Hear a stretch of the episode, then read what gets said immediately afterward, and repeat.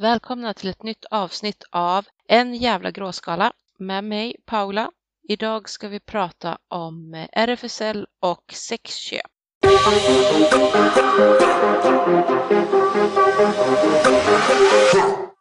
I dagarna kom det ut att eh, RFSL har beslutat att numera jobba för legalisering eller avkriminalisering ska jag säga, av sexköp. Det menas att eh, man vill att sexköp ska vara oreglerat. Vem som helst ska kunna köpa sex av vem som än säger sig vilja sälja sex. Detta går enligt eh, RFSL ihop med eh, den forskning som finns kring eh, sexköplagar. När man menar att det som kallas för den svenska modellen skulle på något sätt vara en undermålig sexköpslag. Men precis som när det kommer till väldigt mycket, mycket forskning Eh, på de här frågorna så verkar RFSL göra lite liknande felslut som jag ser många som argumenterar för avkriminalisering av sexköp göra.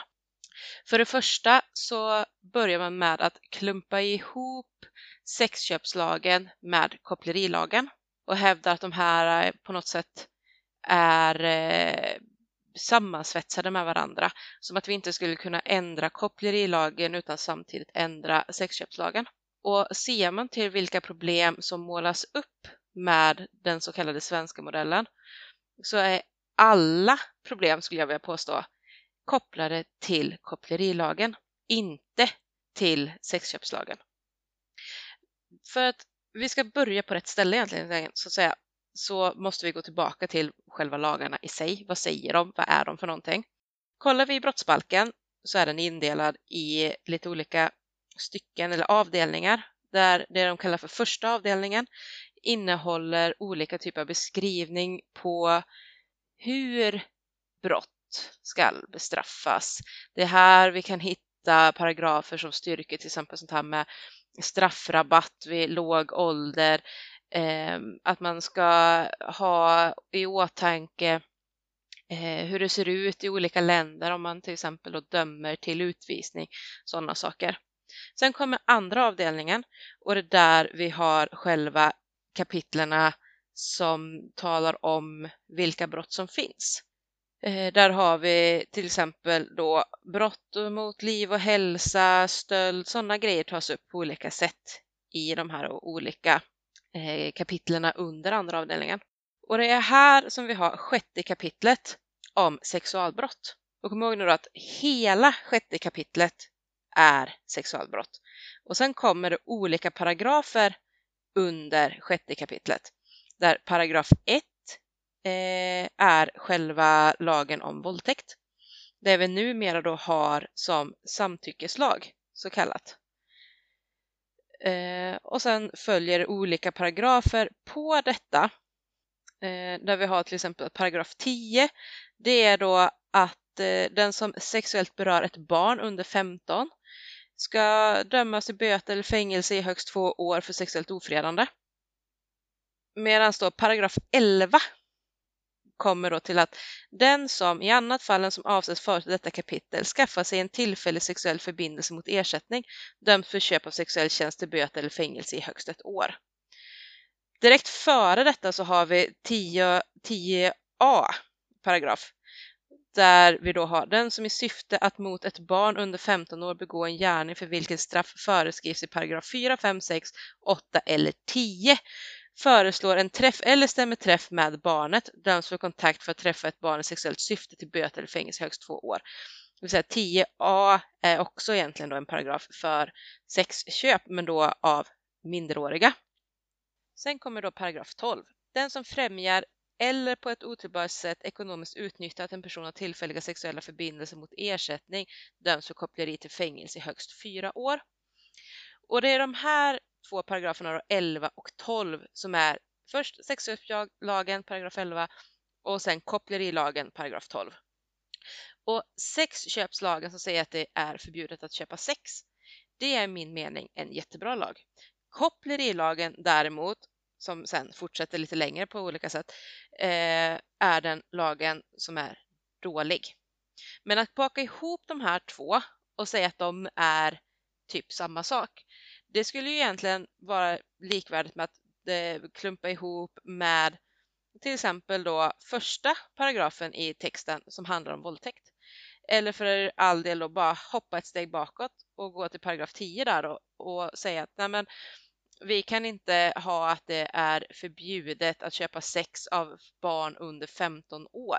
Det är ju jättedumt.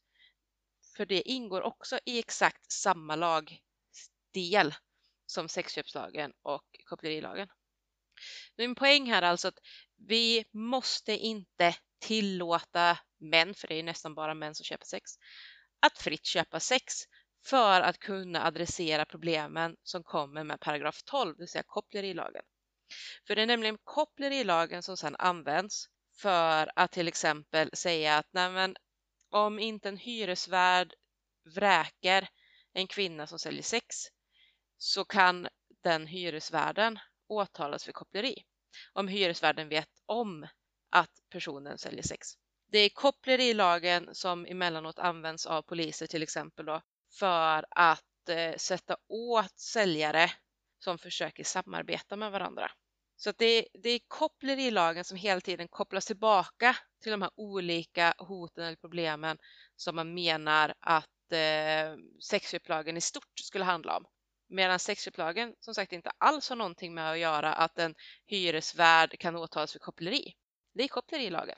Så det finns som sagt ingen som helst anledning att hålla på med det här evinnerliga tjatet om att sluta kriminalisera den som köper sex för att komma åt att kopplerilagen gör det farligt att sälja sex.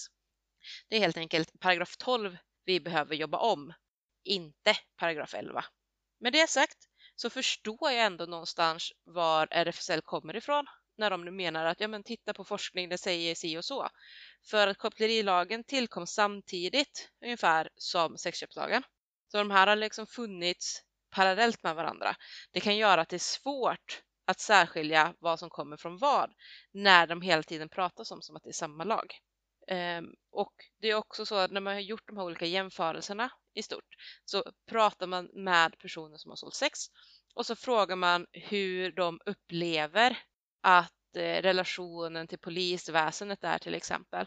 Och där är det väldigt många som blir tillfrågade som kommer ifrån situationen att när de började sälja sex så var det olagligt att vara säljare. Och sen ändrades lagen till att det var lagligt att sälja. Och så kollar man hur tycker de att det ser ut. Och resultaten blir liksom att ja, men de mår jättebra i jämförelse med hur det var innan. De är jättenöjda de, ja, i förhållande till hur det var innan. De tycker att de har mycket större möjligheter att eh, anmäla brott och så vidare och så vidare. Medan när man jämför med hur det ser ut i Sverige så är det inte alls den här stora eh, reaktionen, eller man ska säga, att många uttalar sig om att de är så mycket nöjdare, de har så mycket bättre relation till polisen och sådana här saker. För att här gick man inte på samma sätt ifrån att göra någonting kriminellt till att plötsligt inte längre göra någonting kriminellt. Medan då kopplerilagen gör att polisen fortfarande ställer till skit för de som säljer mer än vad de ställer till skit för de som köper. Men igen, lösningen på att vi har det här hora madonna strukturen i samhället är ju inte att möjliggöra för män att köpa mer sex, utan det är frågor som är betydligt mer komplexa än att man kan ta den lätta lösningen och säga att nej men vi, vi tvår våra händer, vi släpper lös det här och så hoppas vi på det bästa. Man pratar också om att det skulle vara säkrare för säljarna på det här sättet att eh, man på något sätt kommer upp från mörkret som man säger att nu blir det lagligt, nu kommer det här skötas mer vitt. Man kommer eh, inte längre behöva använda trafficking på samma sätt för att nu eh, kan alla kvinnor typ vilja göra detta på ett annat sätt. Där man då helt ignorerar det faktum att så blir det inte alls. I Tyskland till exempel så dels har trafficking ökat Dels så säger poliserna själva att de har jättedålig insyn i hur det ser ut på bordellerna eftersom de inte längre har egentligen rätt att bevaka bordellerna. Precis som att polisen inte har rätt att bara random övervaka typ en ICA-butik.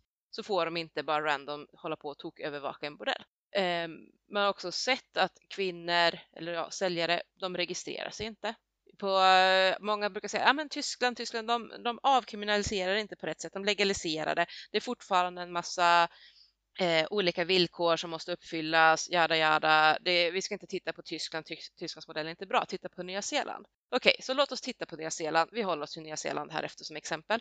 Nya Zeeland har en population som är nästan exakt lika stor som Sverige. Det skiljer en typ 100 000 eh, medborgare mellan oss. Så att vi är aningen, aningen större, men det är marginellt. Så att vi är ungefär 10 miljoner invånare i vardera land. Eh, ungefär antar man då lika stor del som köper sex. Tittar vi på kriminaliteten så är Nya Zeeland känt för att ha väldigt låg kriminalitet och framförallt för att ha väldigt låg eh, alltså våldskriminalitet. Det är inte speciellt vanligt med grova våldsbrott. De har en lägre frekvens av grovt våld jämfört Sverige. Så i Sverige räknar man på att vi har senaste säg 15 åren ett snitt på ungefär 30 mord per år. I Nya Zeeland är siffran ungefär 35. Så de har lite, lite mer mord än vad vi har. Eh, men tittar man på misshandel däremot så har de lite lägre frekvens av misshandel jämfört med Sverige. Så på det stora hela så väldigt likartad mängd med våldsbrott.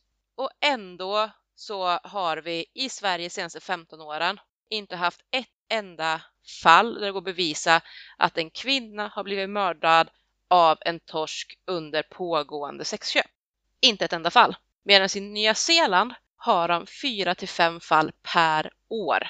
Om man nu pratar då säkerheten för säljarna, varför pratar vi inte mer om det faktum att kvinnor som säljer sex blir mördade i så mycket högre utsträckning på Nya Zeeland än i Sverige? Om det nu är säkerheten som är fokuset. Hur kommer det sig att man på något sätt anser det vara säkrare för kvinnor att bli mördad? Ja, men då invänder folk att ja, men, eh, i Sverige så har vi typ inte prostituerade på pappret för att vi vet inte hur många som finns eftersom det är så skambelagt. Jada, jada, man kan inte veta ungefär om någon som har blivit mördad eh, har, har blivit det under pågående eh, sexbrott. Nej, men då kan vi titta på kön istället då. Vi kan bara titta så här, hur många kvinnor har blivit mördade under ett år i Sverige versus Nya Zeeland och där vinner Nya Zeeland. De har många fler kvinnor som blir mördade än vad vi har. Så även om man tittar bara så så är det tryggare för kvinnor i Sverige än i Nya Zeeland. Men vi kan också kolla på det faktum att om man säger att Nya Zeeland är så fritt, man kan organisera sig, man kan vara med i ett fack, man kan betala skatt på pengarna man tjänar på att vara prostituerad och så vidare. Eh, och det låter jättefint och bra. Vad man då inte nämner är att uppskattningsvis är det 3% av alla som säljer sex i Nya Zeeland som är registrerade och betalar skatt på det här. Det vill säga av 100 stycken som säljer sex är det tre som staten vet om säljer sex. Och det är ungefär tre som också omgivningen då vet om säljer sex. Medan sen 97 utav de här då vet man inte om att de faktiskt är just prostituerade för stunden. Med andra ord, finns det ett mörkertal i Sverige att kvinnor har blivit mördade och det visar sig sen att ah, de blev mördade av en torsk. Ja, det är mycket möjligt att det finns ett sådant mörkertal. Men det mörkertalet finns garanterat, om inte riktigt lika stor utsträckning, så ändå i viss utsträckning även på Nya Zeeland. Eftersom det fortfarande är så skamligt att sälja sex trots att det är så, eh, man säger, det är så öppet att prata om att man köper sex så är det fortfarande inte okej att vara den som säljer. Att de som säljer, trots att de har alla möjligheter att vara registrerade säljare, inte registrera sig för att betala skatt. Man gör det fortfarande inte öppet.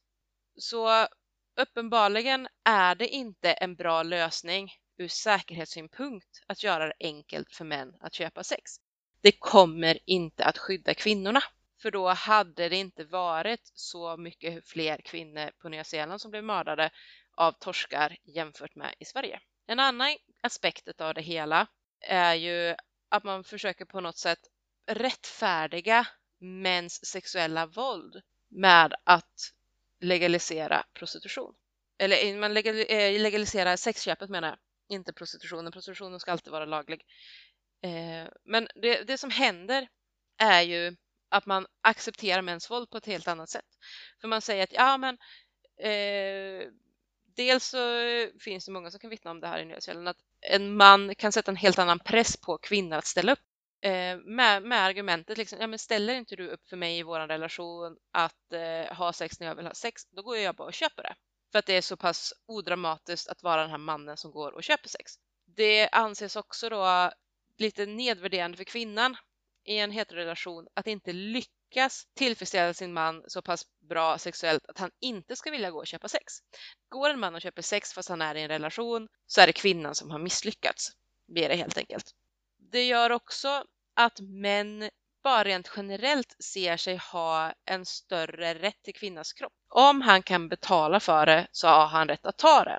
Lite så blir tankegångarna. Så även om han inte, eller även om han till och med vet att en viss kvinna inte säljer sex så kan han få för sig i en betydligt större utsträckning att ändå gå och tafsa eller helt enkelt gå och föreslå att jag betalar för dig.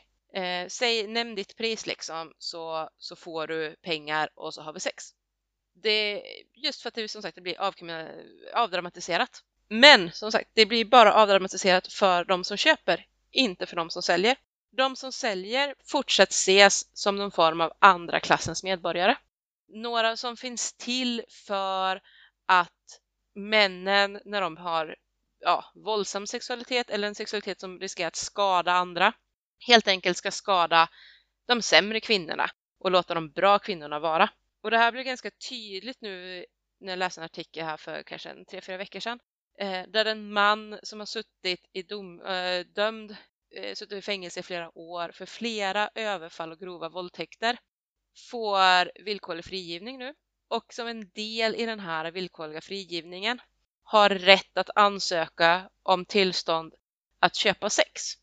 Resten av hans villkorliga frigivning i den domen då är att han får inte i princip ha med kvinnor att göra för att han inte ska lockas till att förgripa sig på kvinnor. Men han får alltså ansöka om att köpa sex. Där motiveringen är då att ja, men om han köper sex så minskar suget att våldta andra. Och alla vet ju typ att ja, men en prostituerad kan man ju inte våldta. Eh, så där har man liksom också en sån här grej av att vilja legalisera eller avkriminalisera sexköpen. Att de här andra klassens eh, människor som den som säljer sex anses lite vara, ja, den eh, kan få bli utsatt för farliga män. Ta en for the team så att säga. Eh, skydda sig eller skydda omgivningen från farliga män genom att finnas där med sina kroppar.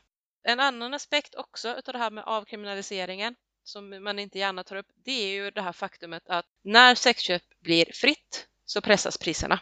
Idag anses Sverige ha extremt höga priser för sexköp.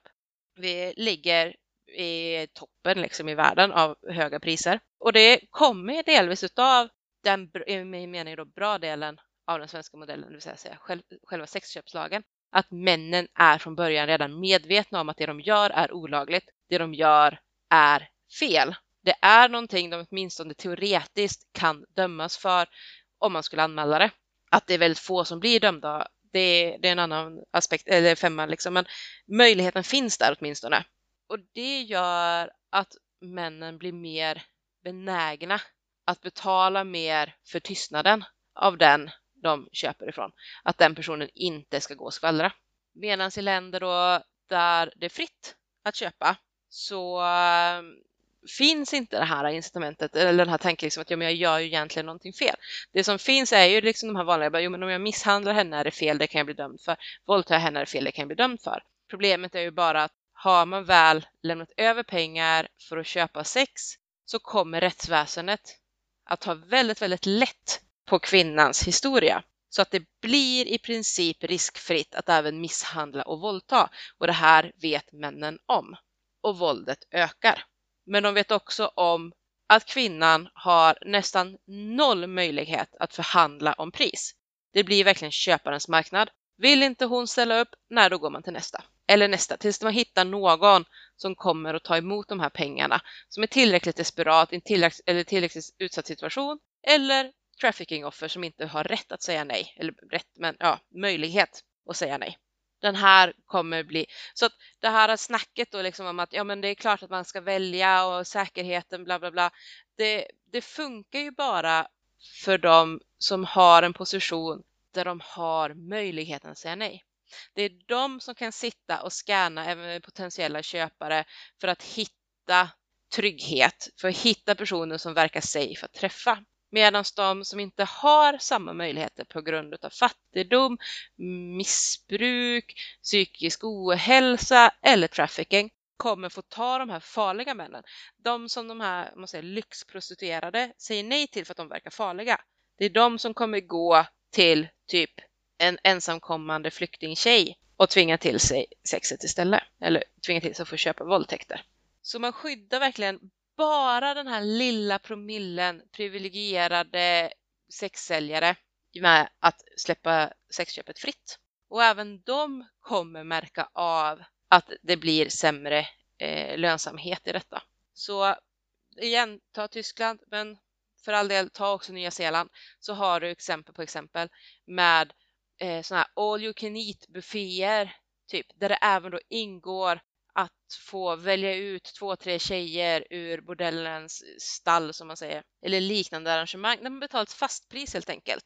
Och där kvinnorna som är med på de här bordellerna helt enkelt inte kan säga nej. De får inte välja kund. Bordellägaren väljer kund. Och lättvisigt så här, så länge kvinnorna ser tillräckligt fräscha ut för att fortsätta vara tillräckligt tilltalande för köparna så kommer bordellägarna på det stora hela skita fullständigt i vad kvinnorna blir utsatta för. Det kommer vara våld, det kommer vara våldtäkter, det kommer vara förnedring och tortyr på olika sätt. För männen betalar för det och kvinnorna måste säga ja för att dra ihop tillräckligt med pengar för bordellens standard. Med andra ord, man skyddar egentligen inte en jäkel genom att göra det lätt för männen att köpa sex. Och ändå sitter vi här och blir matade med att vi måste släppa sexköpen fritt för säljarnas skull. Och det, jag vet att många tycker att det är skitdumt att kalla det för så här horlobby eller prostitutionslobbyn eh, eller för all del torsklobbyn att prata om de här grejerna på det här sättet. Men let's face it, det är det det är. Och jag vägrar egentligen att köpa hela det här konceptet av sex work eller att sex work is work eller ja, att prostitution är bara ett arbete bland andra arbeten, för det stämmer inte. Dels hatar jag begreppet sexarbete eller sexarbetare av den enkla anledningen att det inkluderar allt ifrån att gå på gatan i ett eh, Red Light District som tung narkotikamissbrukare och suga kuk för att ha råd med nästa eh, dos av vad det nu är man missbrukar till att vara typ camgirl eller strippa eller eh, glamourmodell. Alltså från de som har det absolut sämst till de som egentligen knappt sysslar med saker som involverar minsta risk för eh, våldtäkter eller dylikt. Det är helt enkelt en sån enorm skillnad på att typ rigga upp sin egen kamera och ta lättklädda bilder hemma i vardagsrummet som man får betalt för mot att faktiskt träffa torskar. Och därför avskyr jag verkligen det här begreppet med, med sexarbete. För dessutom är det ju faktiskt så att de här sexarbetarna som säger ja men vi måste avkriminalisera sexköp för, för vår säkerhets skull. Vad har de att klaga på? Det de gör är redan lagligt att både tillverka och konsumera.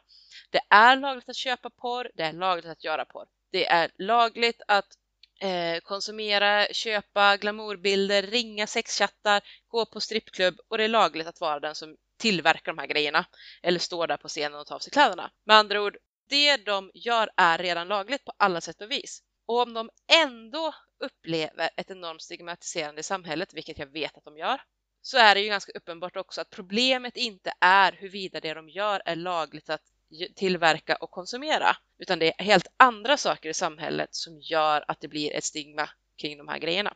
Med andra ord, igen, det blir själva ett bevis på liksom att det är inte avkriminalisering som är vägen för att göra det tryggare för de som säljer. Men genom att baka ihop alltihopa till begreppet sexarbetare eller sexarbete så får man det att låta gulligare än vad det är att sälja sex eller att vara i prostitution.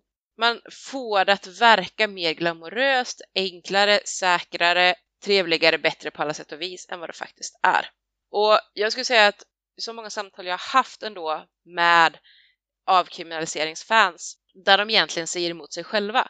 För trots allt det här snacket om att ja, men det är ett jobb bland andra, vi borde inte se det som någonting annorlunda än att typ städa toaletter, så erkänner de ju själva i nästa andetag att nej, det är inte samma sak att vara i prostitution som att typ gå och städa toaletter. För jag har aldrig träffat en avkriminaliseringsförespråkare som samtidigt tycker att det inte behövs hjälp med exitplaner från prostitution och som samtidigt håller med om att ja, men ska det finnas exitplaner för att komma ur prostitution så ska det också finnas exitplaner för att typ sluta vara hotellstäderska. Grejen är ju det, är det här nu då, är nu det här äh, samma sak som de försöker hävda? Ja, men då måste det också behandlas på samma sätt i arbetslivet.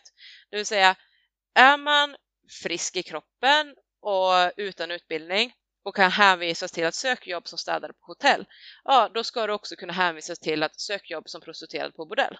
Om det nu är samma sak. Är det samma sak om man har exitstrategier för folk i prostitution, ja då ska det finnas exitstrategier för städare, hemtjänstpersonal eller whatever man nu gör liknelse med. Men eftersom man inte tycker att vem som helst ska kunna hänvisas arbete till bordell eller liknande så säger man ju själv att nej okej, det är inte riktigt samma sak.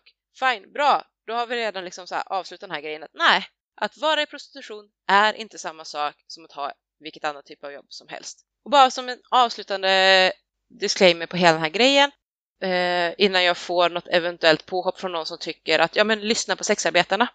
Eh, så jag sålde sex i sju år. Räknar vi in just allt form av sexarbete så är vi uppe i ungefär tio år. Jag har alltså varit i skiten, jag vet vad jag pratar om. Jag har träffat torskar i mängder, jag vet hur de fungerar. Och med den vetskapen så kommer jag definitivt fortsätta stå fast vid att avkriminaliseringen av sexköp är inte vägen att gå. Det kommer aldrig vara vägen att gå.